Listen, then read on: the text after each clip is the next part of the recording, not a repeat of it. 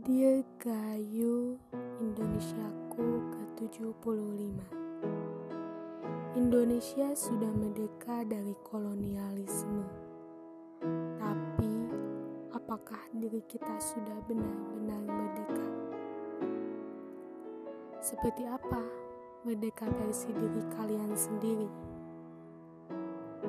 Menurutku, merdeka bagi diri sendiri adalah di mana kita bisa merdeka dari ketidakadilan. Merdeka dari tidak menjadi diri sendiri.